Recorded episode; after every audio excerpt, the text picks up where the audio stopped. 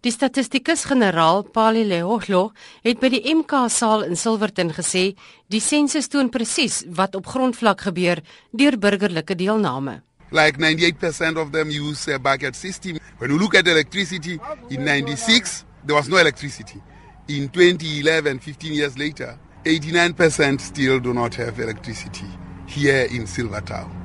So the conditions here in Silvertown have remained static over time. However, the national picture has actually improved dramatically. Silvertown, as a small area, actually fares worse than almost all small areas in the country in the shack uh, settlement stakes. Terwyl daar volgens statistiek groot verbeterings in die land is ten opsigte van dienslewering en lewenskwaliteit, is Silvertown deel van 'n paar plekke waar byna niks verander het nie. Dr Ariel Pelay van Statistiek Suid-Afrika sê die armtoestande het 'n besliste effek op matriekuitslae. This is similar to the Coleman report in America where they found that the school performance of African American children was not based on the schools and the facilities, but more on the community and the socio-economic status of the community. Results show a comparison that while South Africa has improved tremendously in the last 18 or 19 years, we also find there are pockets of settlements like Silvertown which have very much the same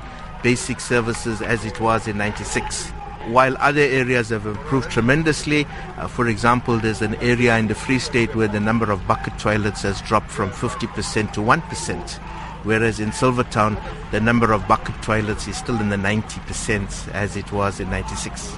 Die gemeenskap van Silvertown, wat vernoem is na die blinkheid van die sinkplate waarmee die informele huise gebou is, het groot teenkanting gebied tydens die 2011 sensus en geweier om getel te word alvorens hulle nie dienste sou kry nie. Statistiek Suid-Afrika moes ure lank onderhandel en verduidelik dat dit nie in hulle mag is nie, maar slegs data kan insamel. Pali Leohlo sê hulle het egter beloof om terug te keer om die resultate te bespreek.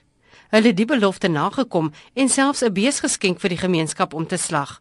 Daar selfs 'n wiskundeprojek by hulle kantore in die stad begin vir belowende leerdlinge. And we believe that in time we should actually progress them and provide them with bursaries to go and study statistics. And you can see that the hall is full. The last time it was toy toy, they were singing that uh, census no, census no. Today they say census is power. Die lewe in Silvertown is nie maklik nie. We are still using the bucket system here and we are suffering. We are not getting jobs.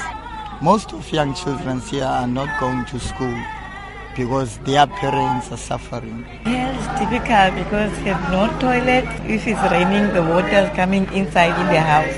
Here is no streets. Go to the taps, there's no taps in the houses. Die sensusuitslae help die Nelson Mandela Metro en regering om beter te beplan en die lewensgehalte van die 1775 inwoners te verbeter. Veronica Fourie in Port Elizabeth.